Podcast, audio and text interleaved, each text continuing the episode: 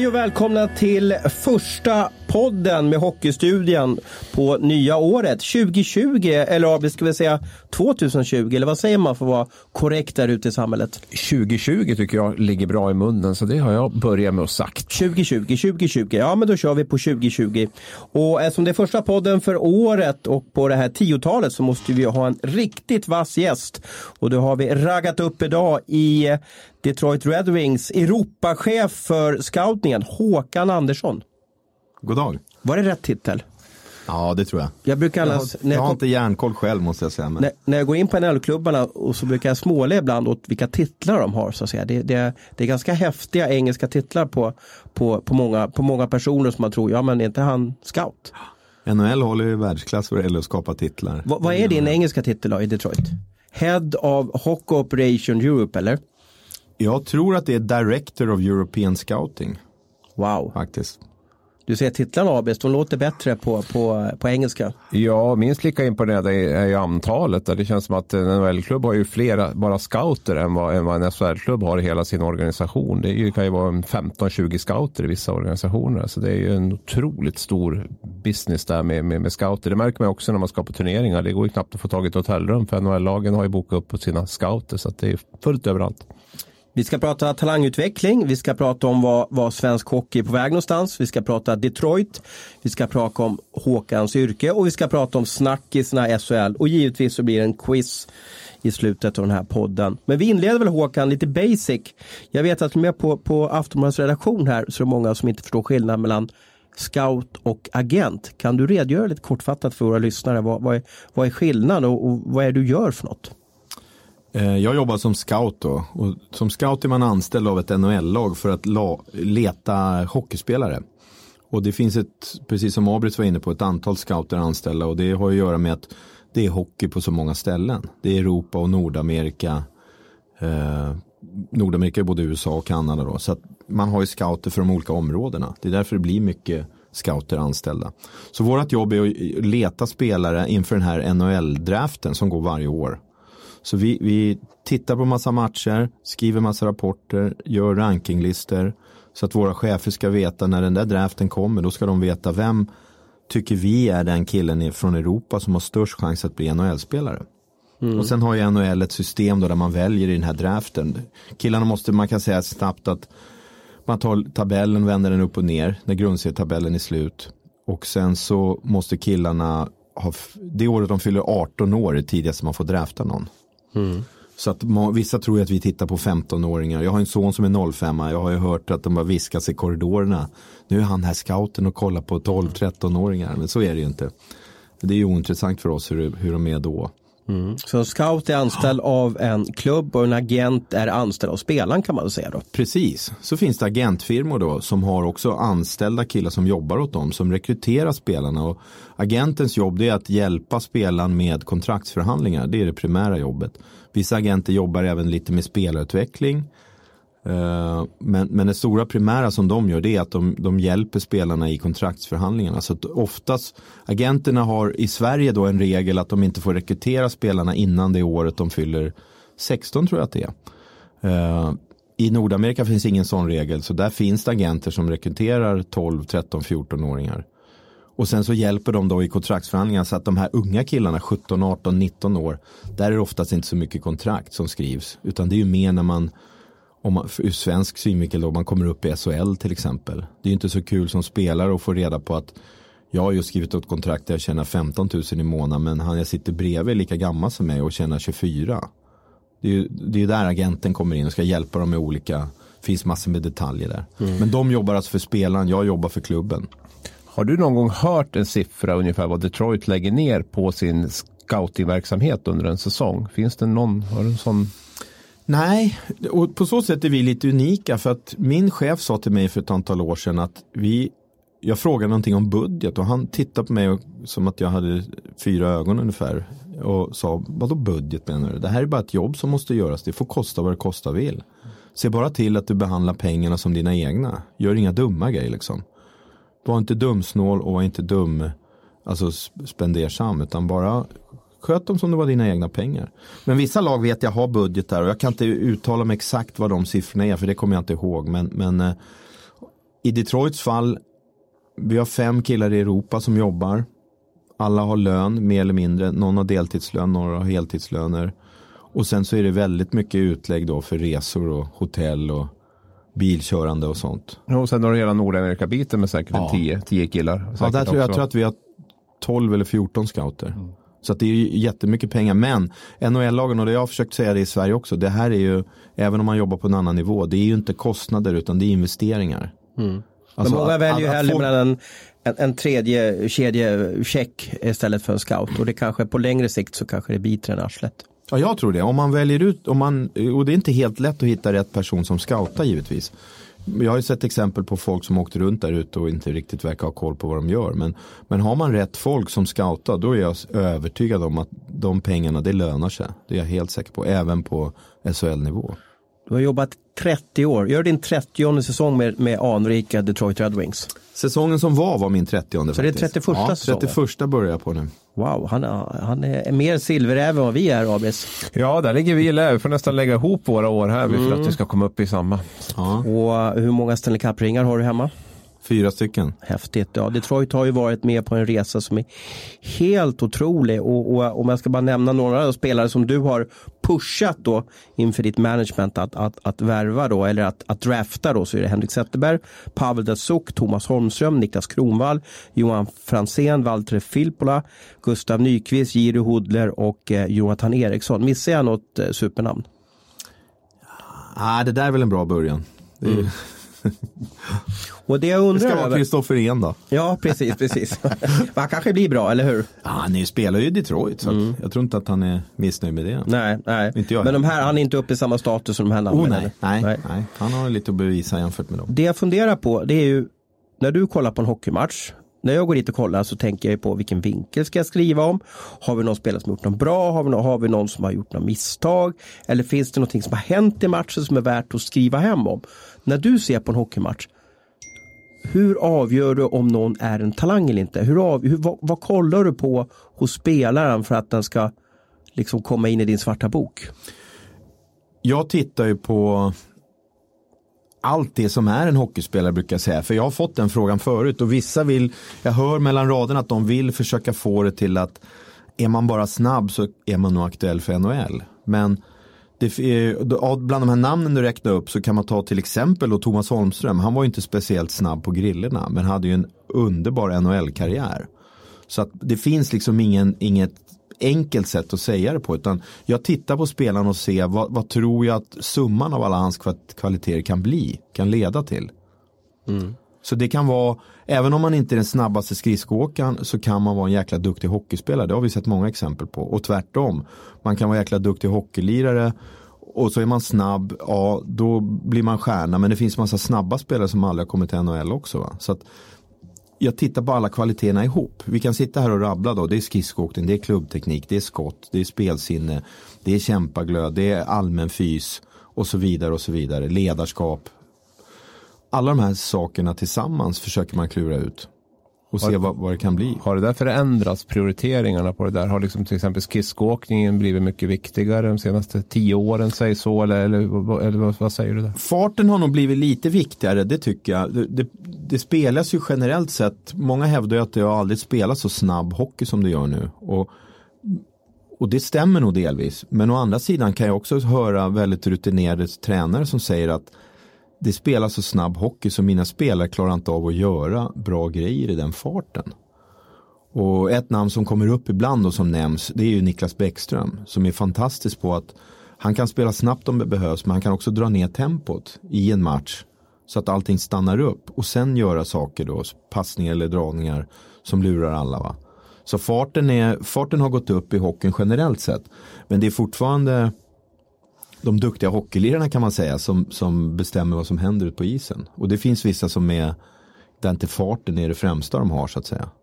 Det är ju hur de är på isen. Hur mycket, mycket tid och energi lägger du på att prata med föräldrar för att avgöra karaktär, släkt, eh, eh anatomi och hur mycket pratar du med spelaren för att kolla vad finns det för smartness hos den här viljan och så vidare. Alltså de här egenskaperna som man inte ser på isen. Hur mycket energi lägger du på det? för att ta reda på människan? Alltså i olika i olika fall. Man kan ju se killar som jag, brukar ju, jag vill ju se spelarna minst ett antal gånger för att kunna skapa mig en bild av dem. För ser man en match, det är för mig ingen match. Det kan vara deras bästa match i livet eller deras sämsta. Så det får man inte hänga upp sig på. Men när du har sett en spelare tre, fyra, fem, sex gånger då börjar du få en idé av vad han är. Och i vissa fall får man de där svaren som du nämnde nu redan på isen. Men i vissa fall kanske man är lite undrande. För några matcher har varit så och några matcher har varit si. Och då får man kanske gå in på det här som du säger. Försöka klura ut vad är det här för personlighet? Vad är det som gäller? Vid vilken ålder vill du börja titta på en spelare? När tycker du att det börjar bli värt att, att titta på en spelare? Ja, definitivt. För mig är det, eftersom jag är Europaansvarig, jag har inte tid att kolla på några yngre, utan det är det året. Om vi tar då, de som ska gå i draften i sommar, de är ju födda 02 då, fram till 15 september. Jag har ingen tidigare koll på dem. Jag har inte tid med det eftersom jag har hela Europa som område. Om jag bara hade Sverige, kanske lite kul, men jag, jag märkte när jag började med det här, då studerade jag TV-pucken ganska mycket under ett par år. Så jag satt laddad där två år senare med, och trodde att jag visste vilka som var bra, men det stämde ju inte alls. Så jag har ju märkt att till exempel det där med TV-pucken, det är för mig helt ointressant. Mm, det är Därför vissa killar har inte fått lira i TV-pucken men blir världsstjärnor då. Alfredsson och det finns andra namn också va? Notan och de här. Ja, precis. Så att för mig är det helt ointressant. Och Och tänk vad T-pucken är viktig för många föräldrar. Ja, för många föräldrar, många barn och, och, och allting sånt. Så att, eh, ja, det är väldigt synd. Därför det kan vara har vi jätteotur så kan det vara jättetalanger som försvinner där som borde lirat hockey på hög nivå i, i framtiden men som lägger av för att de inte kommer med. Och det är ju, om det bara finns ett enda sånt namn så är det synd. Samtidigt brukar jag säga att TV-puck, det är jävla häftigt. Det är inte alla idrotter som får chansen på bra tv-tid och marknadsföra sig. Det är en kul turnering men man måste ta det för vad det är tror jag. ska vi ha kvar TV-pucken då? Ja, jag tycker det. Jag hävdar att det är bra. Hockeyn får marknadsföra sig på bra tv-tid och roliga spännande matcher för det är väldigt öppet i de där åldrarna. Man får bara inte ta det som att det har någonting med ens karriär att göra. Kommer man med kul, kommer man inte med spelar ingen roll. Älskar man hockey ska man fortsätta. Um, jag nämnde ju hans namn tidigare och det är ju en av de stora legendarerna i svensk hockey även i Detroit-eran, Henrik Zetterberg. Ehm, I vilken runda valde du honom? Och vänta, och runda, tror du, undrar, undrar vad lyssnare vet vad det är för något? När jag pratar om rundor, vad menar du Håkan? Eh, det finns ju, just nu är det 31 lag i NHL och det har expanderat vartefter. Alla lag har varsitt draftval i varje runda så att säga. När alla lag har Man får valt, välja en spelare. Ja, när alla lag har valt, så första rundan 31 draftval. När alla har valt den, då börjar runda två, då är det 31 nya draftval. Sen är det så att man, det där är byt, de där har, har väldigt stort värde i NHL, så det går att byta draftval mot färdiga spelare, vilket förekommer ibland då. Det är det man läser om ibland så kallade trader, va? bytesaffärer. Och då väljer man bland 18-åringarna i världen kan man Ja, säga. precis. Så att ett lag kan ha valt att byta bort en äldre rutinerad back mot ett val i andra rundan eller första rundan. Men generellt sett så har alla lag, från början har alla lag varsitt draftval i, i sju runder då. Så sju draftval har varje lag. Så, Och jag älskar ju det som hände med Henrik Zetterberg då som nu med fasta hand, nu är det väldigt lätt att sätta med fasta hand då, men, men Detroit och Håkan Andersson då, ni valde ju att drafta Henrik väldigt sent och Han var inte som bröderna, tvillingarna Sedin eller, eller Mats Sundin eller Rasmus Dahlin som gick extremt högt utan Henrik blev ju då vald väldigt sent. ja, han gick samma draft som han gick då i sjunde rundan. Vi valde honom, jag tror att det var spelare nummer 210 eller något sånt där i hela draften. Så gick ju bröderna Sedin tvåa och trea i första det är samma rundan. år, ja, precis, Ja, det är samma år. Så att det var faktiskt en chefscout för ett annat NHL-lag som sa till mig många år senare. Att här satt, han sa det, jag var så jävla impad av att Vancouver lyckades få till två draftval där, nummer två och nummer tre samtidigt, bytesaffärer och de höll på att trixa och fixa. Och inte visste jag att långt, långt senare i sjunde rundan skulle det gå en kille som blev precis lika bra som dem så att säga. Det är ju helt otroligt sa han. Hur ser du på möjligheterna idag egentligen att hitta de här sena draftvalen som, som, som ni kunde göra för 20 år sedan får man väl ändå säga. 10, 15, 20 år sedan där. Alltså nu idag med den koll som finns med all statistik som finns med så många scouter som är och de möjligheter som är. Givetvis svårare, så är det ju. Går det då? Alltså, ja det tror jag. Jag tror att det, det, du, kan, du kan ta jag ska inte säga vilken draft du vill, men du kan nästan alltid varje år kan du gå tillbaka och titta och så tittar du på rundorna 5, 6, 7 till exempel. Då finns det spelare som har blivit duktiga och kommit till NHL och haft en framträdande karriär. Och det är ju för att de inte var förmodligen så framträdande just i sitt draftår.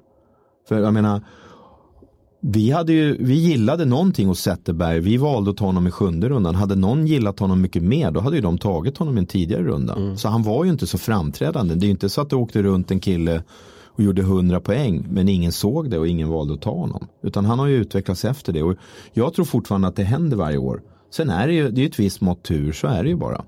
Och hade du trott mer på honom så hade du valt honom tidigare. Precis. Precis. Så han var ju inte så framträdande i, i det året han draftades då. Du fick ju en hemläxa inför den här podden. Det var att ta ut dina tre bästa draftval. Var den jobbig eller? Eh, känner du att du bränner många broar när du ska ta ut den där? Eller hur känner, hur känner du? Nej, det hoppas jag att jag inte gör. Uh, det är en sån här kul lista, är det inte det också? Det är som du och jag Abel skulle ranka våra bästa nyheter genom tiderna. Det är inget som man bara vill slänga upp, utan det vill man ju suga lite på. Mitt problem är väl att jag har minne som en guldfisk där och inte kommer ihåg något. Eller så har jag inte haft några bra avslöjanden. För när du frågar till mig så har jag, det är helt svart. Jag har nästan ingen aning. Men Håkan har bra minne, han det har vet bra jag. Minne, det, ja, det har jag nu när han, när han tar sina runder och ja, jag, gamla. Jag skulle ju säga... Du måste börja med tre, så att det blir spännande nu. Du börjar med tredjeplatsen ja. så går du uppåt. Jag får säga tredjeplatsen Niklas Kronvall. Okay. Det var ju ett första val så att där vill jag verkligen påpeka att inga första val, absolut inga görs utan medgivande av chefscouten och i många fall genom managern också. Men jag var ju bidragande till att vi tog Kronwall, det, det, det, det säger Men han var stor, va? det var ju länge sedan. Han, han var väl bra, var det inte det? Alltså, han eller? var ganska bra. Okay. Men jag vet att det var faktiskt ett NHL-lag som, där kom chefscouten fram till mig när vi hade tagit honom och sa du tog våran spelare. Mm. Och jag sa vad menar du nu? Men nu får du säga några klubbnamn då. Vi var så säkra på, ja det var faktiskt New Jersey, mm. deras chefskatt. Han sa, vi var så säkra på att få honom i början av andra. De hade ett väldigt tidigt andra val. Var det Labråten som hade scoutat honom då eller? Ja det var det nog. Ja, mm. fast det här var chefscouten som sa till mig att vi var så säkra på att få honom så att vi var lite chockade när vi såg att han gick i, i slutet av första rundan. Mm. För då valde vi ganska sent. Kom han över tusen matcher, den gode Niklas till slut i NHL? Nej, jag tror han stannade på 953. Ja, tror jag ja. Skador. Och han sant. hade ju carte blanche av Iceman att, att skriva ett år till, ja. som jag fattar det. Men eh, ja, han kände väl att han var färdig. Väldigt fin människa också. Fantastisk. Silverplatsen? Pavel Datsjuk. Aha, det är kanske min favorit där. Ja. Hans, Min också. hans händer, jag vet inte, hans händer måste ju vara liksom hur långa som helst, eller armarna i alla fall. Då. Ja, helt magisk. Magisk spelare, han lirar väl också runt tusen matcher tror jag. Och här, när du valde honom så var det en tid när, när det var lite lurigare att, att hålla på resa i Ryssland. Visst var det så? Att det var, det var lite svårare att ta sig fram och kunna prata med dem och så vidare. Det var inte det, var inte det flödet av ryssar som det var under många år. Nej, nej det var ju lite mer åt äventyr att åka dit. Nu finns det ju flighter och fina hotell och allting. Då var det lite mer, mer eh, High Chaparral.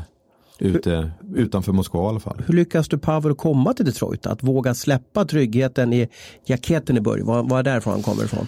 Precis, Jekaterinburg, gamla, den är ju känd för att det var ju där de mördade tsarfamiljen då, Aha. början av 1900-talet. Trevlig, trevligt. Ja, de här bolsjevikerna. Men hur som helst, han, eh, han var ju lite äldre också. Vi draftade honom som sista års junior.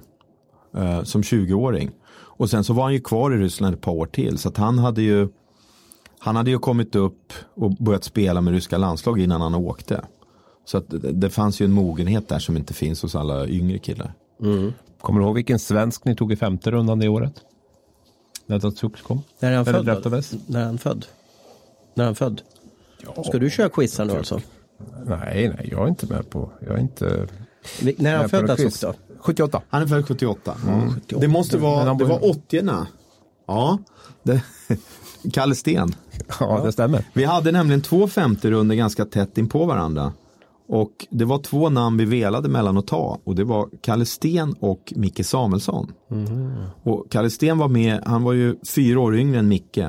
Och han hade varit med lite i U18-landslaget då, så vi valde att ta honom först. Vi trodde att det kanske är något mer lag som är och där innan vi, sen var det typ fem draftval senare eller något sånt där skulle vi välja och däremellan så han om jag minns rätt så var det San Jose som tog Micke Samuelsson. Mm. Till våran stora förvåning då. För på den tiden hade San Jose ingen scout i Sverige. Ja, Så vi klurade ett tag på hur det där hade gått till, men det fick vi reda på sen då.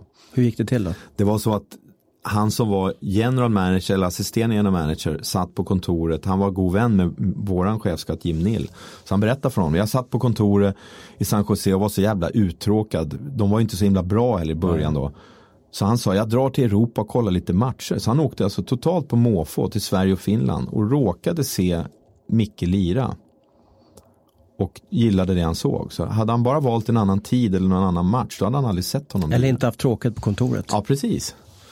Så det var ju en, en överraskning för oss. Och nu är vi ju så nyfikna, vem kommer på guldplatsen? Det kanske är den vi pratade om tidigare här. Stämmer. Henrik Zetterberg. Både spelaren och personen. Då. Men du, Fantastisk eh, spelare, fantastisk ledare. om han inte har blivit draftad då? Vad hade hänt då tror du? Det är klart han hade blivit. Han har, jo men ni valde Det, honom. ja, ja, men det, han- det hade bara tagit ett år. Därför nämligen, det var så att vi draftade han på sommaren. Sen var hans sista juniorsäsong var säsongen efter. Då kom han med i JVM-laget och där var han ju fantastiskt bra. Okej, så att det, han hade hittat en väg till NHL till Oh ja, slut. garanterat. Och sen gjorde han ju succé i, i Sweden Hockey Games där också vet jag. Om det var den säsongen eller säsongen efter och då var det ju öppet mål att den här, blir, den här killen blir riktigt Mm, bra. ja, det var två år senare. Men, han, men Z var faktiskt, han hjälpte ju Timrå upp till SHL samma år som han var så bra i JVM-laget. Och fick sen debutera i Tre Kronor innan han hade lirat en enda match i SHL. Och Jag tror att det är bara ett par spelare som har gjort det genom någonsin genom svensk hockeyhistoria. Som har lirat en, en Tre Kronor-match innan man har lirat högsta serien en enda match. Och sen tror jag det var säsongen efter, eller om det var samma säsong men i februari som han spelade jättebra i Sweden Hockey Games. Ja, precis. Vad har han betytt för Detroit? Jättemycket. Riktig ledare. Ja. De är superimponerade av honom. Och alla spelare och alla som han träffar pratar så väl om honom. Så han har betytt jättemycket. Du, eh, vi ställde ju frågan, eh, eller vi berättade på sociala medier att, eh, att, du ska, att du gästar oss i den här podden och då var det många som undrade, många Detroit-fans tror jag, Red Wings-supportrar, att vad är Detroit på väg någonstans? Detroit är alltså då, är det fyra Stanley Cup sista, ja under din period av 30, 30 år. Men just nu, är det, är det sämsta laget i, Nord, i NHL just nu? Ja det är det, vi ligger sist. Ja. Hur känns det då Vi- efter allt ni har varit ja, med om? tufft. Riktigt tufft. Det är för jäkligt. Vi har alla de här stjärnorna har ju pensionerat sig. Deras karriär är över och eh, eftersom man väljer så sent i draften och dessutom bytt bort ganska mycket första val eh, för att hitta spelare medan vi var bra då, liksom fyllt på laget så har vi hamnat efter vad det gäller fylla på liksom talangnivån. Så att det är bara sista åren som vi har fått drafta ganska högt i draften och, och tagit på bra unga killar som, men de har inte hunnit blivit så bra så de har haft någon, någon inflytande över hur det går för laget så att säga.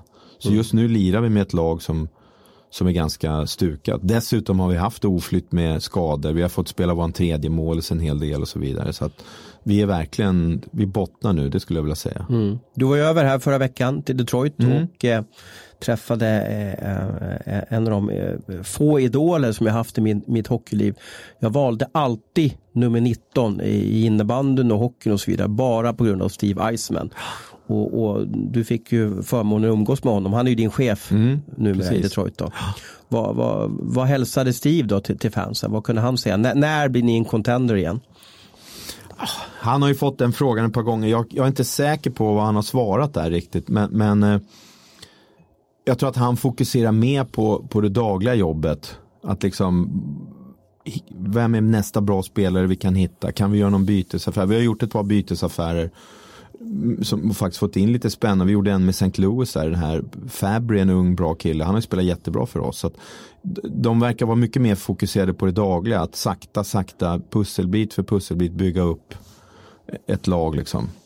Han, han var, ju, var ju med och tryckte på bakom när vi tog den här Seider, den här tyska backen som, som var fantastiskt bra för Tyskland i JVM och spelade i vårt farmarlag och ser jättelovande ut. Så att, eh, jag kan inte svara på vad han, hur många år han har uttryckt. Jag vet att han har fått den där frågan.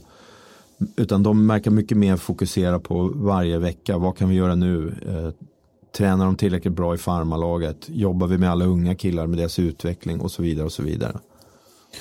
Ken Holland har ju försvunnit därifrån då, och uh, Iceman kom in och så vad, vad tycker du har liksom förändrats sen ni bytte? Ja, eh,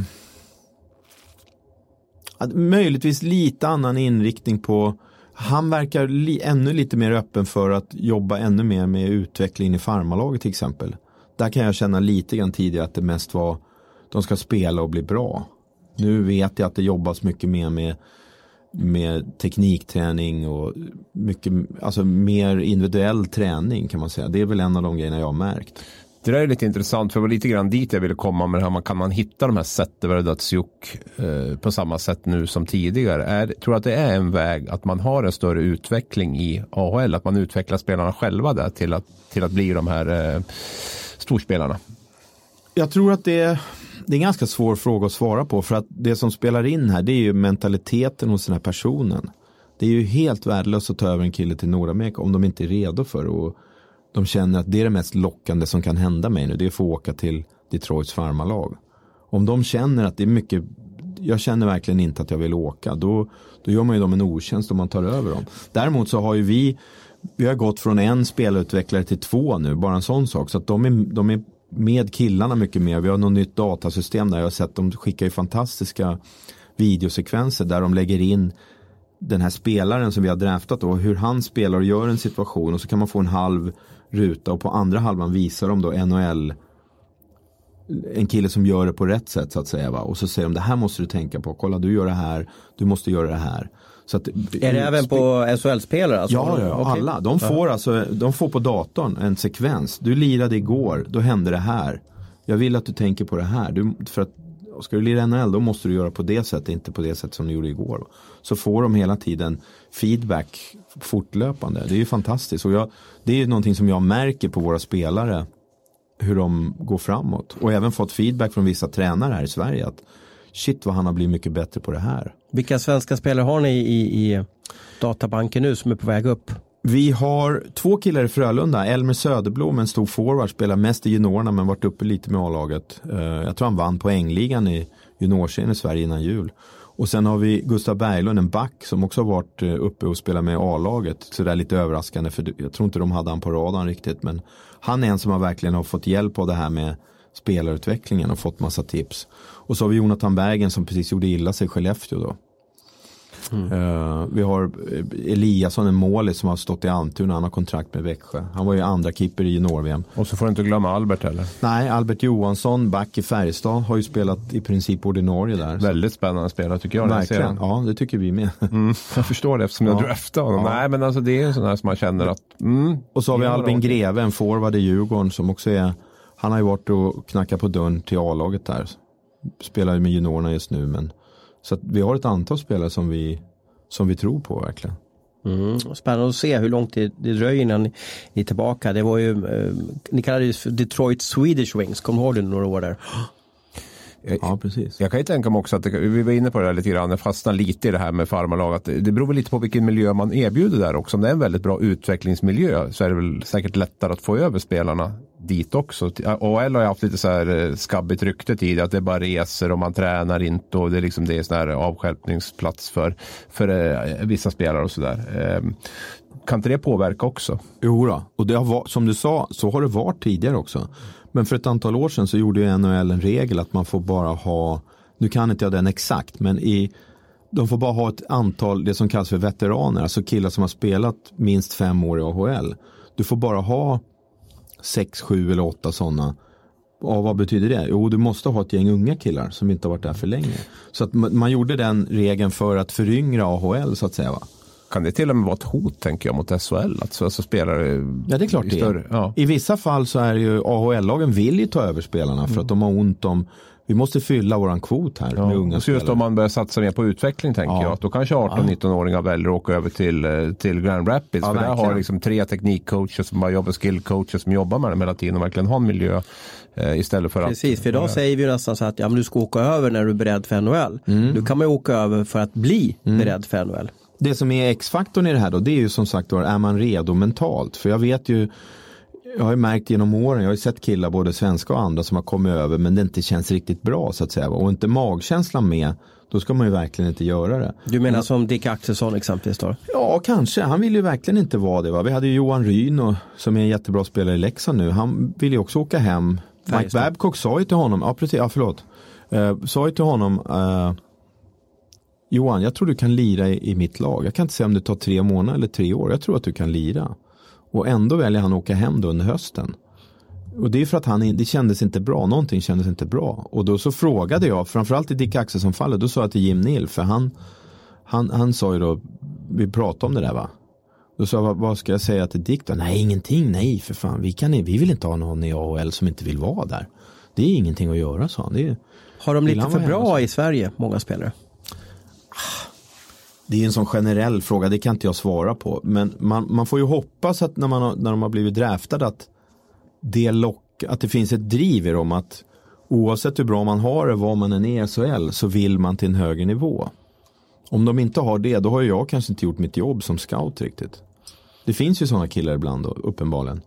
Men man får ju verkligen hoppas att de vill vidare. Men det är klart att det är en jättebra tillvaro att spela hockey i Sverige idag. Det är ju mm. fantastiskt. Men du, har du någon sån här kille som, som vad som man kallar för, om det engelska uttrycket kanske är the best that never was. Alltså någon som var, hade allt, men aldrig, aldrig kom någonstans eller aldrig blev någonting. Om man inte blev något, då har man ju inte allt. Då är det någon grej som saknas. Uh.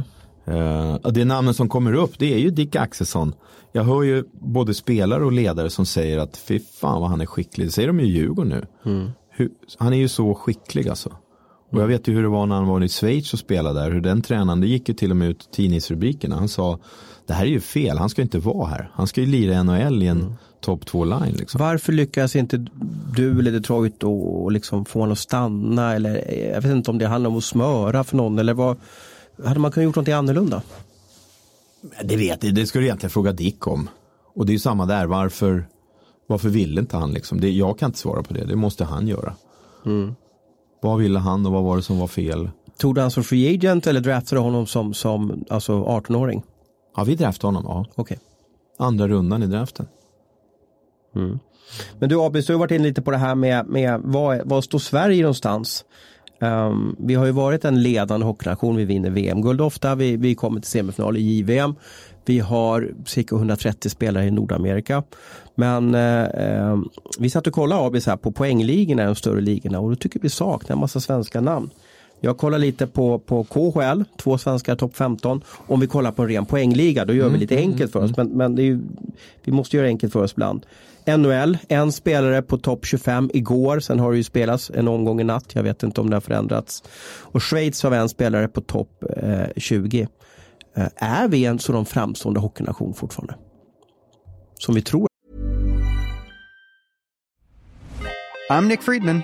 I'm Lee Alec Murray. And I'm Leah President. And this is Crunchyroll Presents The Anime Effect. We are a new show breaking down the anime news, views, and shows you care about each and every week. I can't think of a better studio to yeah. bring something like this to life. And yeah, I agree. We're covering all the classics. If I don't know a lot about Godzilla, which I do, but I'm trying to pretend that I don't right Hold now. it in, hold it. And our current faves. And... Luffy must have his due. Tune in every week for the latest anime updates and possibly a few debates. Oof. I remember, what was that? say what you're going to say and I'll circle back. You can listen to Crunchyroll Presents The Anime Effect every Friday wherever you get your podcasts and watch full video episodes on Crunchyroll or the Crunchyroll YouTube channel.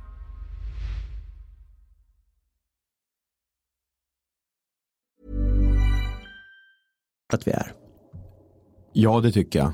Och jag, mitt spontana svar blir såklart, man kan inte bara mäta det i poängligan. Nej. Jag menar vi har ju Men vi är att ha Vi har liksom... ju backar som har varit uppe och fått, vunnit Norris Trophy och varit med i röstningen om Norris Trophy. Du, Erik Karlsson har en tuff säsong. Han, normalt sett tillhör han världsbackarna där borta. Det finns ett par till där, Hedman och allt vad det är. Klingberg och, och, och Forwardsidan, ja lite tunnare sista åren. Jag vet att de har klagat lite i juniorlandslag också. Även om jag kan tycka att de har varit lite fega i sina val då också. Liksom. Då hade man, om man nu inte är nöjd med centerpositionen, ja då väntar man kanske på Hollander in i det sista och lämnar en lucka för honom. Han visar sig vara tillbaka och lira och lira ganska bra där. Så då kan man ju tycka att, kan inte klaga på att man inte har centrar och så vågar man inte chansa på de man har så att säga. För han har ju lirat center i juniorlandslagarna. och så vidare. Men, men generellt sett, ja, Sverige är en jättebra hockeynation. Fantastiskt utbildningsprogram, eh, mycket tävlingsinriktade bra ligor man kan lira i. Det finns division 1 som är helt okej för en 18-19-åring. Allsvenskan då givetvis, SHL för de vassaste. Juniorliga som är jättebra tävlingsinriktad. Vi pratade om det nu när jag var på mötena.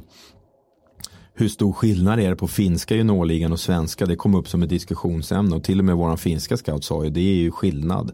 Så är det ju bara. Den svenska är ju bredare och vassare liksom. Så att det, vi har ett jättebra program. Sen, Mm. Jag tror att det, är, att det är bara så naturliga fluktueringar liksom.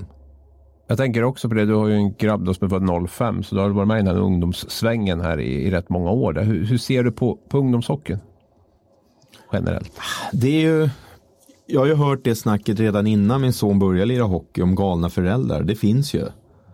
De blir tränare och de blir lagledare och det ska pushas för sina egna söner. Och, ja, man ser ju det där och hör det där överallt nu. Jag håller ju till här i Stockholm så det är ju ett av de värsta platserna tror jag. Jag tror att det lugnar ut i landet lite grann för det finns inte så många val. Jag har ju sett i, i sonens lag hur det har kommit killar, lirar en säsong, dragit vidare till ett nytt lag. Säsongen efter det är de ytterligare i lag nummer tre så att säga. Det är ju, det är ju, så att det, det finns en, en hets där definitivt som är Hur får vi bort osund. den då? Ja, jag tror i vissa fall är det nog svårt att göra något. Jag har, ju, jag har ju sett föräldrar som det inte går att få någon kontakt med. De, de liksom, det går inte att prata med dem en gång. De är så inställda på att jag vet vad som krävs. Fast de är så långt ifrån sanningen som det går att komma nästan. Men annars tror jag det generellt sett, det är bara att fortsätta att informera liksom. Det är ju jättebra när de här stora stjärnorna går ut och uttalar sig om sådana där grejer.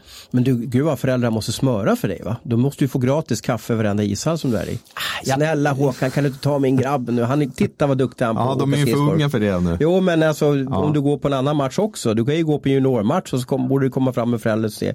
Du ser väl, det är min som var nummer 17 där på isen. Nej, de flesta är morsar bara. De är ganska lugnt. Med din erfarenhet då, hur viktigt är det att spela med äldre lag när man är ung, tror du? Nja. generellt sett inte så viktigt. Sen är det ju så om du får prova på någon som är bättre. Det spelar nästan ingen roll om det är en egen ålder eller en annan ålder, ett år äldre. Så får du ju skärpa det va. Så att hur det än är. Om du tar ett lag så, och så ska de åka ett varv på isen och så tar det tid. Det finns ju någon som är den snabbaste och någon som kommer sist. Och ställer man sen att de två ska tävla mot varandra, den snabbaste mot den långsammaste. Då kommer ju den långsammaste förmodligen att göra personbästa bara genom att han får köra mot den som är vassare. Men det finns ju en diskussion om det där också. Är det, är det, är det viktigt att vara, liksom, kunna få vara bäst i sin kull eller är det bättre att gå upp och vara liksom, medel i, i kullen ovanför där för, Nej, för jag sin tycker, utveckling? att, jag tycker det är lite underskattat att vara bäst i sin kull. Om jag kollar på kanadensisk juniorhockey så har ju de de draftas ju då ett antal storstjärnor när de är 18 år. Några få kan gå direkt till NHL och spela men det är ju ovanligt. Ganska många stannar kvar i sin juniorliga och gör så inna helsike mycket poäng. Spelar ingen roll om de är back eller forward. De gör poäng som attan och jag upplever att det är ovanligare i Sverige. Så fort man har om man spelar, spelar ingen roll om man är draftad eller inte, spelar man ett juniorlag och det börjar gå lite bra, jag måste uppåt, jag måste uppåt, jag måste få vara med A-laget, annars sticker jag. De har knappt, de har inte gjort i närheten av så mycket poäng per match som de här bästa kanadensarna har gjort. Och jag hävdar att får man göra, får man vara i sin ålderskull, göra väldigt, lyckas väldigt mycket, kanske göra två, tre, fyra mål en match, ett par assist.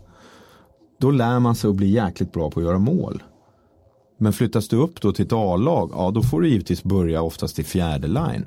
Och där handlar det inte om att göra några poäng, där ska du bara jobba för att överleva liksom.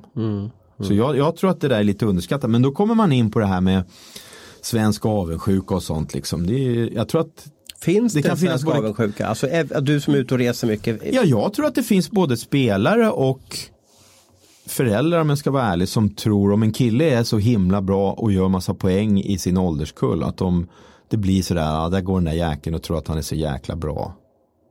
Jag tror att det finns sådana känslor, ja det tror jag. Definitivt. Jag vet att Wayne Gretzky Sen om det var, kommer fram eller inte. Vad menar du då? Att, han, att då ska han gå upp för att liksom skonas från att eh, den här avundsjukan, att han är så bra? Så då flyttar Ja, man upp att, att, för folk att han... bara, att folk stör sig på, sig, på det. jag vet att de störde sig på Wayne Gretzky när han var, när han var junior för de tyckte att han aldrig passade pucken. Då var det någon som hade räknat ihop hans assist, att, att han, han hade lagt mer assist än alla andra i laget. Då, så jag vet inte om, eh, så det finns någon avundsjuka lite överallt. Då. Ja, ja, men, men en, en, kille som jag jobbade med som var scout, han var chefscout till och med hos oss. Han spelade emot honom. Och, Wayne gjorde ett mål, det här var ju, han sa det var kanske oktober eller november. Men hur gamla var de då ungefär? ja, de var 14 kanske. Ja, det var Så. på den här tiden jag, som jag åberopade. Alltså. Ja, och han gjorde mål och dök in och hämtade pucken och min, min, min kollega var back och Gretzky gjorde mål på honom. Och, så, och han var lite sur och han bara, vadå är det ditt femtionde mål? Nej, det är mitt hundrade sa han då. Men han sa han var så här ödmjuk. Men efter matchen så kom de ut då från varsitt håll. Han kom ut samtidigt som Wayne och då var det alltså föräldrar från Waynes lag som var fram och hackade på honom. Mm, jag har hört Varför passar inte min son? Du borde passat honom. Varför gör du, varför tar du alltid själv? om det är något han var känd för var det att passa pucken. Ja, precis. Jo men det är det här med att föräldrar har en tendens att bli lite hemmablinda så att säga. Va? Saker och ting, det ska gärna vara bra för just deras son. Och Ja, så. fy fan AB så hacka på Wayne Gretzky att han inte passar. Alltså, det Ja, blir, ser, eller hur? ing- Ingen klarar sig undan där. Vet du. Jag tänker på det här med Finland också. Jag kan ju känna att Finland då kanske har gått förbi lite på skillsidan, på, på forwardsidan framförallt. Från att vara en ganska så här begränsad nation under hela eh, ja, 80-talet där och början på 90-talet också. Födda då alltså. Ehm, De får fram lite mera spets kanske idag än vad vi får på forwardsidan framförallt. Det är väl kanske att de har tagit svenska utbildningsprogrammet. Sig. Nu sitter Håkan och ler här. Ja, de pratar ju också. om, jag vet jag pratar med lite andra scouter och så, att det, så säger man att de kör lite hårdare i Finland. Det är lite tidigare selektering, man, man, man väljer ihop lag som spelar, spelar bra och så där. Jag tror att som spelar bra tillsammans då, som det heter i tidigare år. Tror att det är, är det för mjäkigt här hemma i Sverige? Just på ungdomssidan. Att vi borde nu kan jag lite för lite, både om finsk ungdomshockey där så och kanske även bland våran. Jag, jag är ju tyvärr, jag skulle vilja se min son både träna och spela mycket mer men jag är oftast bortrest.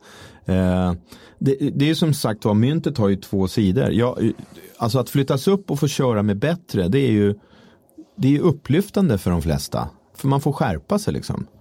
Det är ju som att tävla med någon som är lite bättre, då får du skärpa dig. Och samtidigt då så finns det ett värde i tror jag att, att få lyckas.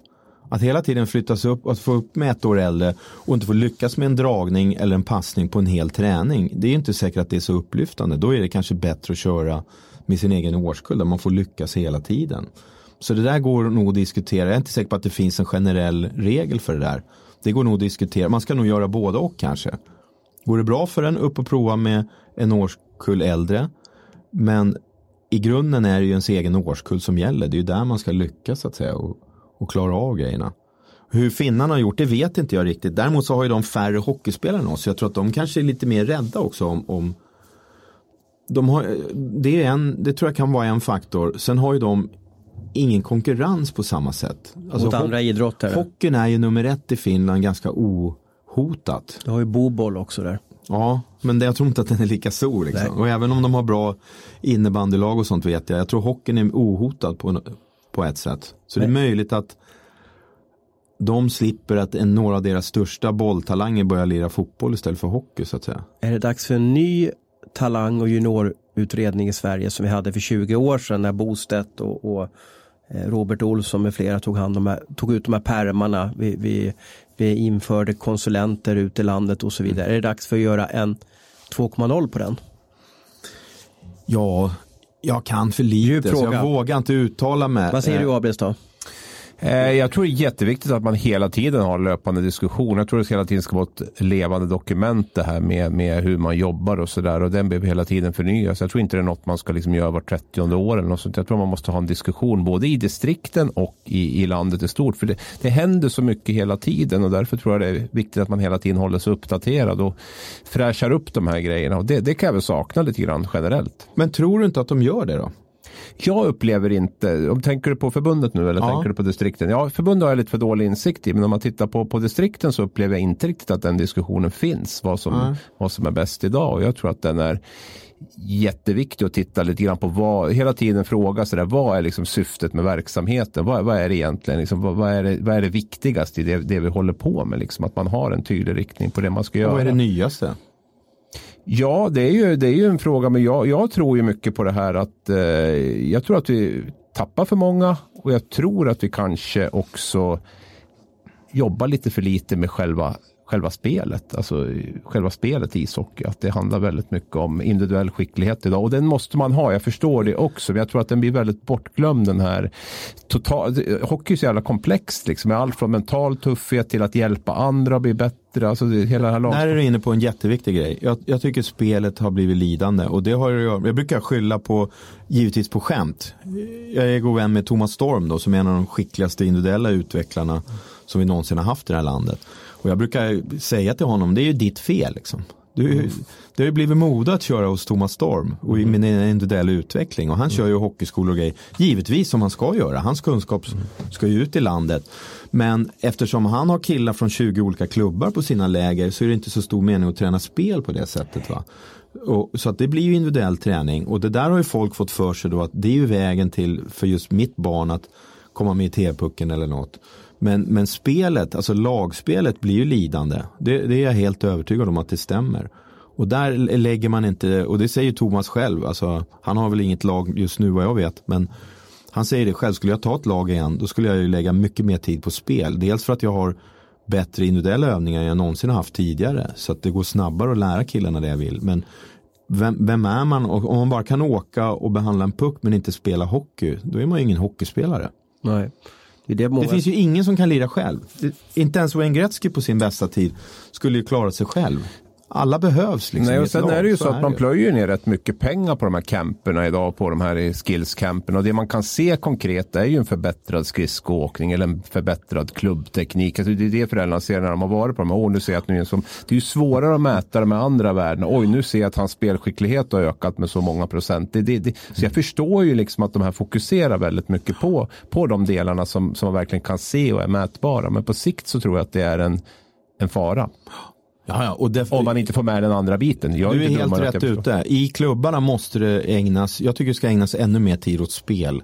Spelets idé, vad det innebär. Hur spelar man som en femma i de olika ändarna av rinken och, och, och genom mittzon och allting. Det, det, det finns inget bättre än lag som spelar bra hockey.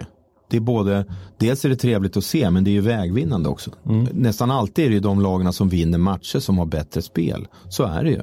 Mm. Mm. Men har vi ett bra system idag med, med U18 Elit, J20 Top 10 och sen Hockeyallsvenskan SHL eller skulle du vilja ändra någonting på om du fick vara hockeyguden i Sverige? Det, jag har inte reflekterat djupare över det. Jag tycker att det verkar vara ett bra system. Svar ja. det många, finns chanser att många, kvala uppåt och sådana Ja, grejer. men många kämpar ju för att komma med om man är talang 18, 19 år, 20 år. Jag ska med i A-laget. Då vill man på något sätt, man är på väg hela tiden. Jag, jag, tycker bättre att man borde stanna och bli klar hockeyspelare innan man, man hamnar i, på bänken i A-laget. Men, men, det är ju lite en ledarfråga. Jag, det är, jag tror det är jäkligt viktigt för, för ledarna att förklara att nu är vi hockeyspelare och vi spelar här nu i ett U18-lag, eller J18 vad heter. Och vi jobbar med, alltså du ska inte tänka så mycket på J20 eller A-lag utan du ska tänka på klubbtekniken, direktskottet, baklängsåkningen. Alltså gör man bra grejer, jobbar man på som individ med bra grejer och försöker tänka på maskerade passningar och bra passningsspel med mina kedjekompisar eller min backpartner. Då kommer bra saker att hända. Mm. Och där måste, ju, där måste ju ledarna vägleda lite tror jag. Att föräldrarna svävar iväg och börjar drömma om A-lag och grejer, det kan jag ju förstå. Men där måste ju ledarna påminna om att det är genom de här dagliga grejerna du gör som du kanske en dag landar i A-laget. Och ringer han och säger nu ska du upp och lira A-laget, kul. Men det är liksom inget att fokusera på utan fokuset ska hela tiden ligga på jag vill bli bättre hockeylirare, jag ska få ett bättre direktskott eller en bättre direktpassning eller alltså de grejerna. Mm. De dagliga grejerna. Mm. Många bra råd. Absolut. Sen är det en komplex värld där ute. Det är det som att säga att ledarna försöker nog göra de här sakerna. Men det är sånt tryck utifrån med allting. Från där om man är på juniorlandslagssamlingar och den kompisen spelar där uppe i A-laget där och jag får inte göra det. Och agenterna blir oroliga och föräldrarna blir oroliga. Och det blir liksom ett det blir ett tryck som är jättesvårt att stå emot. Och det där är precis som Håkan säger. Att Kanada har ju, där kan jag vara avundsjuk på Kanada. För det är som man säger, det är väldigt få juniorer som inte spelar i deras juniorliga där, som går upp i NHL. Utan där, där har man liksom en miljö där det är, så här är det och här stannar ni kvar tills ni är i stort sett Det finns inget att välja på. Nej. Utan, och då blir det lättare att Helvete med valfrihet. Mm. Abris, eh, ska vi säga att vi slängde iväg en av våra största nyhetsbomber förra veckan. Eh, ja, nu var det så nära inpå så nu kommer jag ihåg att vilken det var. Ja, så den får jag väl skriva upp någon gång sen så vi får ha med det. Ja, nej, men den, den skakar väl om. Det har väl varit en eh, tvåstegsraket kan man väl säga om du tänker på Kovacs. Ja, med- precis. Vi skrev i våras att, eh, Inte i att våras men i november. i höstas så skrev vi att eh, han var klar för Örebro nästa år. Och i eh, torsdags morse 07.50 så smattrade det till. Fick ett sms på min telefon från en eh, källa som berättade att Robin kommer byta klubb redan nu till Örebro. Då gick vi i spinn va, eller hur? Vart det inte så? Ja, det blir ju lite puls Pratar du mer med mig än du pratar med din fru? Ja, otvivelaktigt är det så under vissa Är perioder. inte tragiskt Håkan, eller vilka Jo, liv vi har? definitivt. Ja. Pratar du mer med, med Christer Rockström än du pratar med din fru? Nej, det gör jag inte Det faktiskt. gör du inte. Nej. Det. Eh, Christer Rockström är alltså då eh, känd och erfaren scout som jobbar numera för Montreal. Då. Men är ni kollegor i scoutbranschen sådär, eller, eller är ni konkurrenter? Kollegor är ju de som man jobbar med. Ja. Men, så, eh, officiellt sett är vi ju konkurrenter men vi är också vänner. Så att, Mm. eh, vi, man reser ju tillsammans ibland. Det är ju långt ifrån, eller absoluta merparten av alla matcher vet ju alla vad man ska åka och kolla på. Ja, ja. Så att då, ja, ibland gör man sällskap och så. Men nu tillbaka till Kovacs. Eh, eh, Hur, eh, hur konsumerar du nyheter? Var såg du Kovacs-övergången först någonstans? Jag var ju i Nordamerika då. Aha, jag så du, läste. du låg och sov? Ja, jag vaknade och läste på Aftonbladet. Ja, vad bra att du sa det rätt där. Ja, precis, ja, precis. och vad tänkte du då? då? Jag tänkte att det är ja, intressant nyhet, lite ovanligt att man byter under säsong. Man undrar vad som låg bakom. Om det var alltså att de inte ville ha honom någon mer i år. Han var ganska framträdande spelare för dem. Mm, han leder ju poängligan där. Ja, så någonting låg ju bakom och jag har inte den insikten som ni har. Men... Nej, och vi, vi, fick väl, vi tror väl att vi fick ganska mycket insikt i alla fall. Nu, nu är det ju så att vi sover inte och vi bor inte i Luleås omklädningsrum. Då, men det vi hör i alla fall att det, har, att det skar sig mellan eh, tränaren Bulan Berglund och, och, och Robin och att det vart kanske också vår nyhet från i höstas skapade en arbetsmiljö för både Luleå och för Robin som blev ohållbar. Ja, så lite grann så var det väl. Nu ska vi väl säga att eh, den här konflikten då, eller vad ska jag säga, man kan ju ha olika åsikter då mellan tränare och spelare. Det var ju inte det hela orsaken till det, men att det fanns en liten del i det och att den, eh, att den till viss del uppkom i och med att den här tidiga skilsmässan. Då, Ja. som, som Vad var resten av orsaken då? Nej, men det finns väl säkert olika saker i det där. Det har ju varit väldigt mycket turbulens bland fansen bland annat. Att eh, sen det varit klart med den här övergången och man har ju liksom velat att man ska skeppa iväg honom tidigt. Där. Så jag tror trycket utifrån också har varit stort och jag tror Mm. att det har varit ett störningsmoment för dem på, på, på många sätt. Eh, även om de själva säger att allt är frid och fröjd och har varit det. Och då blir det väl ännu mer förvånande att man gör sig av med en av sina bästa spelare om det nu allt är tipptopp. Och vi fick skit för att vi skrev om nyheten. Att inte vi håller käft om sånt och låter klubbarna få göra det här i lugn och ro. Ja men det Vad får vi det? alltid. Ja men det får vi alltid. Och den diskussionen vi haft tidigare. Att och jag, ja, nu kan jag inte läsa upp ditt mejl men du svarade en läsare som du CC'ade mig. och Det var ett väldigt bra svar. Att vi, vi är ju, vårt jobb är ju att upplysa våra läsare om vad som händer och det vi vet då. Och så. Den, den diskussionen, eh, ja, det är knappt värt att ta den längre. För att måste, man måste ju förstå vilka olika roller man har. Och vi kan ju inte sitta i knä på klubbarna och vänta tills det passar dem. Utan då får de väl låta bli och, och skriva kontrakt med spelare mitt under säsongen. Det här är ju vardagsmat i NHL. Kan du beskriva hur det funkar NHL jämfört med SHL med, med spelare som kan byta klubb på en Alltså- timme? Ja, och i NHL är det ju, alltså, vi pratade lite om det innan då, när du skriver ett kontrakt så blir du fullt medveten om att jag kan bli bortbytt när Man är helst. anställd av NHL. Ja, precis. Så det, redan där skiljer det sig ju. Och de har ju den möjligheten, dels, som jag sa också, man får ju bra betalt för att kunna vara tillgänglig för att bli bortbytt. Va? Så, generellt sett så är ju lönerna mycket högre i NHL än i SHL. Då. Du pratar om en nolla till i, på, Ja, på i princip där. ja. Det är både en och två ibland. Men, men, eh, men även i Sverige så är det ju en jättebra lön som hockeyspelare. Så att, men det är nog mer kanske regelverket. I NHL så får du inte gå och skriva, alltså som Kovacs har gjort då. Du kan inte gå mitt under en säsong och skriva på för en ny klubb. Det går inte. Det, är du finns, helt säker på att man inte gör det eller? det finns klara regler. Ja, om, om, Tampering eller vad kallar man det för? Ja, alltså om ett lag, ja, nu kan inte jag i detalj hur det går till, men i princip är det så att om ett NHL-lag kontaktar en annan spelare under den, när han fortfarande har ett kontrakt med lag A. Om då en, en ledare från lag B säger vi vill att du skriver på nästa år och jag tror, man får inte ens kontakta dem. Du kan alltså bli bötfälld av NHL för det. Och än mindre då får den spelaren gå och skriva på det kontraktet i förväg. Utan då måste man vänta tills säsongen är över, kontraktet har gått ut. Sen kan man skriva på. Men, men och det är väl så egentligen, jag, vill inte säga att sportcheferna och, och agenterna här i Sverige säger att det är så det funkar men det är ju på något sätt vi tror att det funkar att man signar efter kontrakt. Eh, för att så säger man, nej men jag har inte bestämt mig. Och så säger man liksom, ja men jag bestämde mig efter säsong för att det ska vara lite schysst. Men hur ska vi komma runt det där då? Eller vill vi ha mer Kovacs grejer? Alltså är det bra för Alltså det hockeyn? för, för, för er med nyheterna är det ju kul. Ja men är det inte bra för att, Men- det, alltså tänk dig själv Örebro-Luleå nu på torsdag. Det är ju en wow-match. Alltså det ska inte vara en, var det omgång 34 eller 35, 36 eller vad det är för något.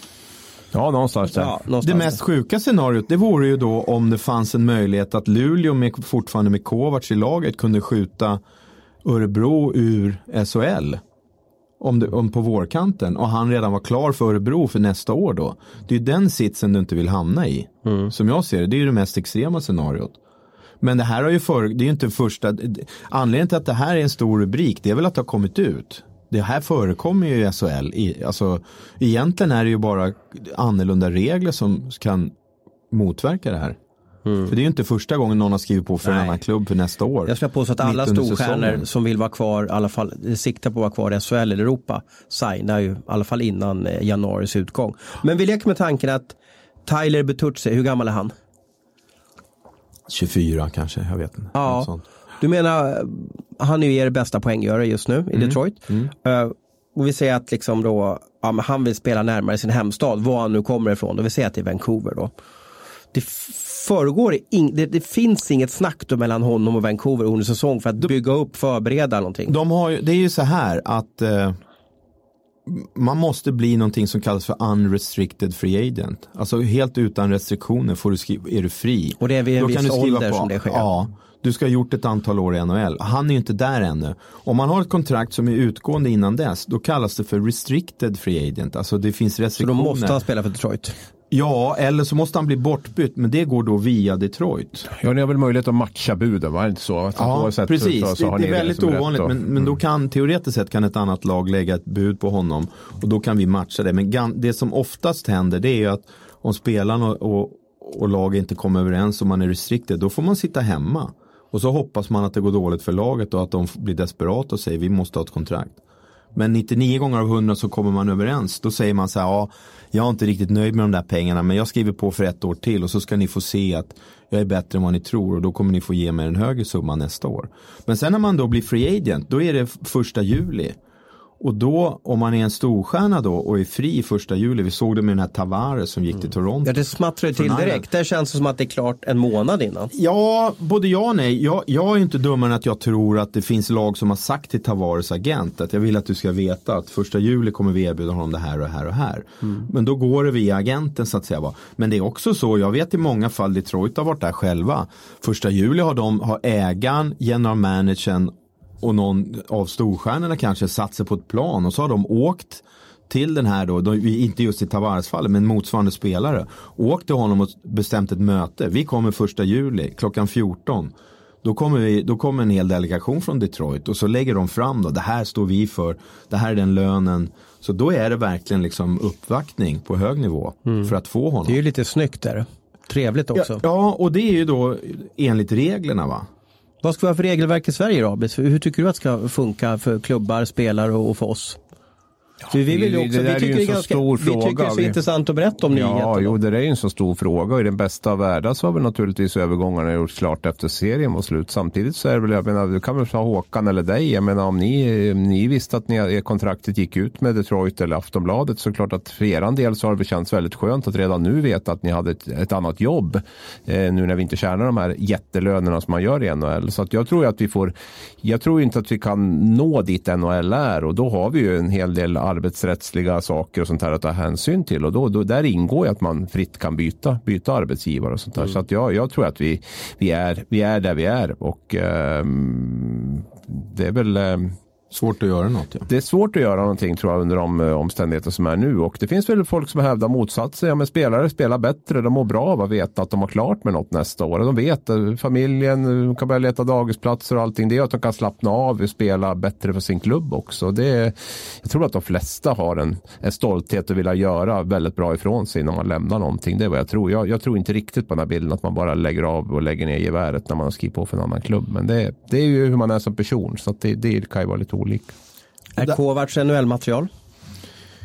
Eh, nej, jag har inte bedömt det så. Vad tycker du Abris? Eh, det här faller litar jag väldigt mycket på, på Håkan faktiskt och eh, skyddar mig lite bakom honom och säger att nej, jag tror inte heller han kommer att spela i NHL.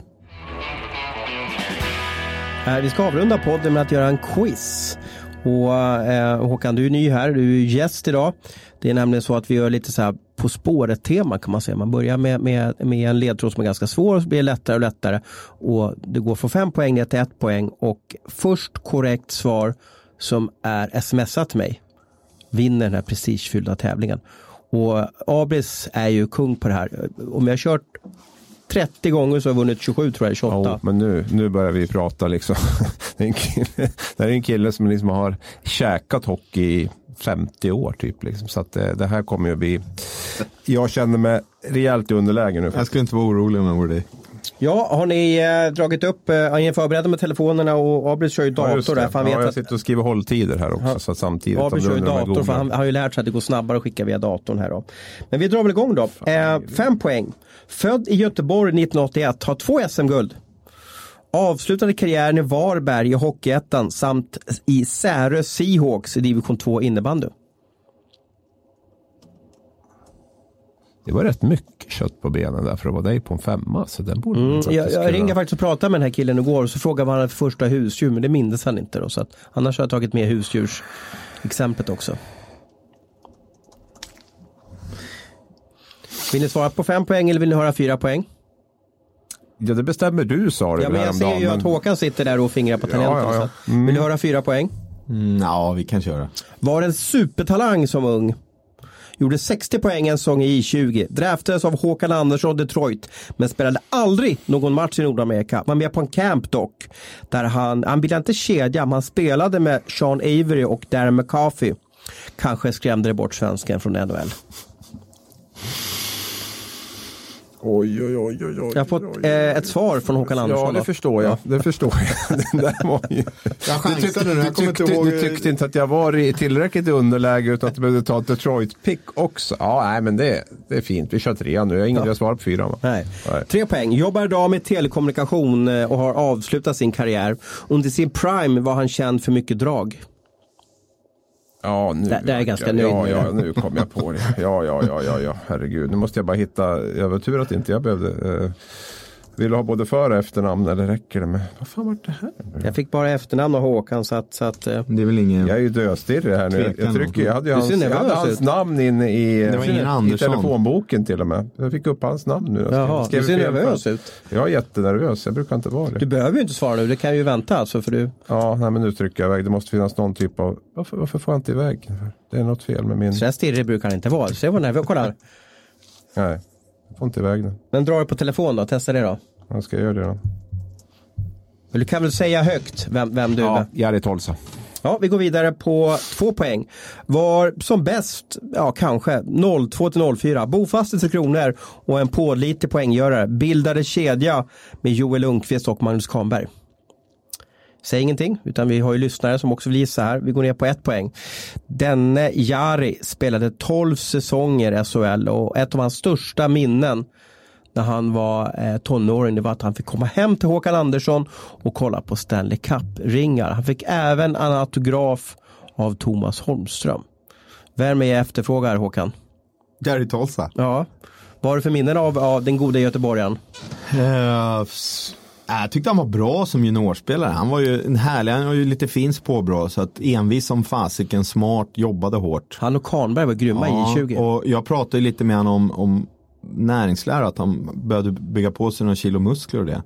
Och då nämnde jag lite grejer som han kunde äta, men då berättade han som det var pappa eller mamma något, några år senare att han fyllde upp hela Hela kylen var full med tonfiskburkar. För Han gick all in på alltså. tonfisk. Han gick all in på. Ja, ja, ja.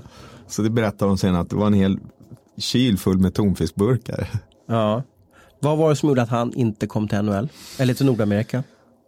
Ja, säg det. Eh, jag- jag vet inte om det var, alltså, mycket, jag, jag tyckte att han var jäkla bra. Han kunde producera poäng och han jobbade som fan. Det är möjligt att han vägde lite lätt på den nivån. Men i hans fall hade det kanske varit spännande att sett honom i AHL ett par år och se vad det hade kunnat bli av det. För han är en jäkla tävlingsinriktad kille också. Så att jag tror att han hade Alltså, men hade han velat prova AHL ett par år hade man, det hade varit kul att se hur långt det hade lett. För han körde ju som fasiken och han var ju helt orädd och så vidare. Han hade flera bra kvaliteter måste jag säga. Eh, Jag tror att han var inne i en, ett, ett flyt där med Kahnberg och, och, och Joel. Och sen drog ju och- Joel, ska man veta ja, också. Men då, de var ju ganska upp det, det var, jag tror att han, eller och jag, jag, det är inget konstigt med det, jag tror att han kanske kände det som ett steg neråt att börja i AHL. När man var uppe och, och, och inne i smöret i Och Frölunda. ja, och i landslaget också. Precis, så att det, ja, lite synd. Känns det få stryk, Abris? Eh, nej, men det kan, jag- det kan jag ta absolut. Tolsa var sån som, ja men nu vart det ju lätta ledtrådar på 2-1 i och för sig. Men det var trean där var ju drag tack vare att du körde det. som Ja, liksom. precis. Nej, jag velar mellan, Ibland det låser sig helt Men, ibland. och vi- varför, vad är drag? Vad, vad syftar jag på där? Ja, dragkedjan. Där, men- dragkedjan ja, med- med för Lundqvist det, och men-. Mm, Kahnberg. Mm. ja, men redan när du sa 81 så hade jag, det var den där linen jag tänkte på då. Så, men när du sa då draftad av Detroit på fyra poäng, då, då vart jag säker. Jag tänkte faktiskt chansa lite på Tolsa redan första. Får jag vara lite elak mot dig? Ja, Visst tog du Gerhard Tolsa före Henrik Zetterberg? Ja, ja. ja. Han var ju med i, i U18-landslaget då, eller J18, 81-erna. Så att vi, det var samma där, våran tanke var lite att han är nog, lite som det här berättar med Kalle Sten och Micke Samuelsson. Han är nog mer het kanske på scouternas lista än vad den här Zetterberg är. Jag tror till och med Tolsa var ert första val om jag tittar rätt här nu. För ni Stämmer. Hade, jag tror inte ni hade något i dem. Nej, vi Nej. hade ingen första, andra eller tredje runda. Att, Det var en av våra chefer som ville byta bort pick nummer fyra till sju och gå på baseball istället. Så ni ville ta Tolsa, sen var ni nöjda? Nej, han ville byta bort alla picksen. Ja, ja, ja, okej. Så vi säger i efterhand då, tack och lov att vi hängde kvar. Och Zetterberg i sjunde. Zetterberg, ja. Jättekul att ha det här Håkan. ja, tack. Var det- Jättekul att vara här. Var det nervöst? Nej, nej, inte alls. Och Det vi måste ju reklam, du har ju, din bok, går den att köpa fortfarande? Eller är Det den, tror jag. Okej. Jag har inte kollat. Hur gör man då, då om man söker upp den? Jag tror den finns på nätet. Och vad heter den? Scouten. Scouten. Jag kommer ihåg en story. Jag kommer inte ihåg om jag läste den i boken eller om du berättar för mig. Så jag tyckte det var lite så här ändå. Jag har lagt sig på minnet på mig. Det var det. Jag kommer ihåg att du, hade, du kunde inte åka på en match och titta. För du hade. Det var något i familjen. Det var ett familjeärende som gjorde att du, att du var tvungen att vara hemma. Och du ringde väl upp. Jag tror det var Ken Holland. Och frågade honom. Och så berättade hur det var. Och är det okej att jag inte åker på matchen? Så han, Två saker sa han. Du åker inte på matchen. Nummer två. Fråga aldrig en sån fråga igen. Visst var det något sånt? Ja, stämmer. Jim Neal var det. Jim Neal var det. Ja. Ja, fantastiskt eh, och Kenny också såklart men Jim Neal är, han är ju i EM i Dallas nu, fantastisk eh, person, alltså bryr sig väldigt mycket om, om individer. Så, så att jag, att alla år jag jobbar med honom så tror jag aldrig att han har ringt till mig och sagt liksom, tänker du gå på den här matchen eller vad. Det, det hände aldrig. Utan det var alltid bara, hur mår familjen, är allting bra, har ni det trevligt, vad har ni gjort? Alltid väldigt mån om, om personer och individer. Människan först för alltid. Ja, Ja, men lite så. människa. Supergedigen. Kännas som en kall värld ibland med scouter och, och sådär. Men just det där kommer jag fastna på mig. Att de berättar att det finns väldigt Mm. Ja, mycket är, sånt. Han är en riktig, och det är inte bara, det, det säger de i Dallas nu också, det finns ingen bättre. Liksom. Han är en supermänniska.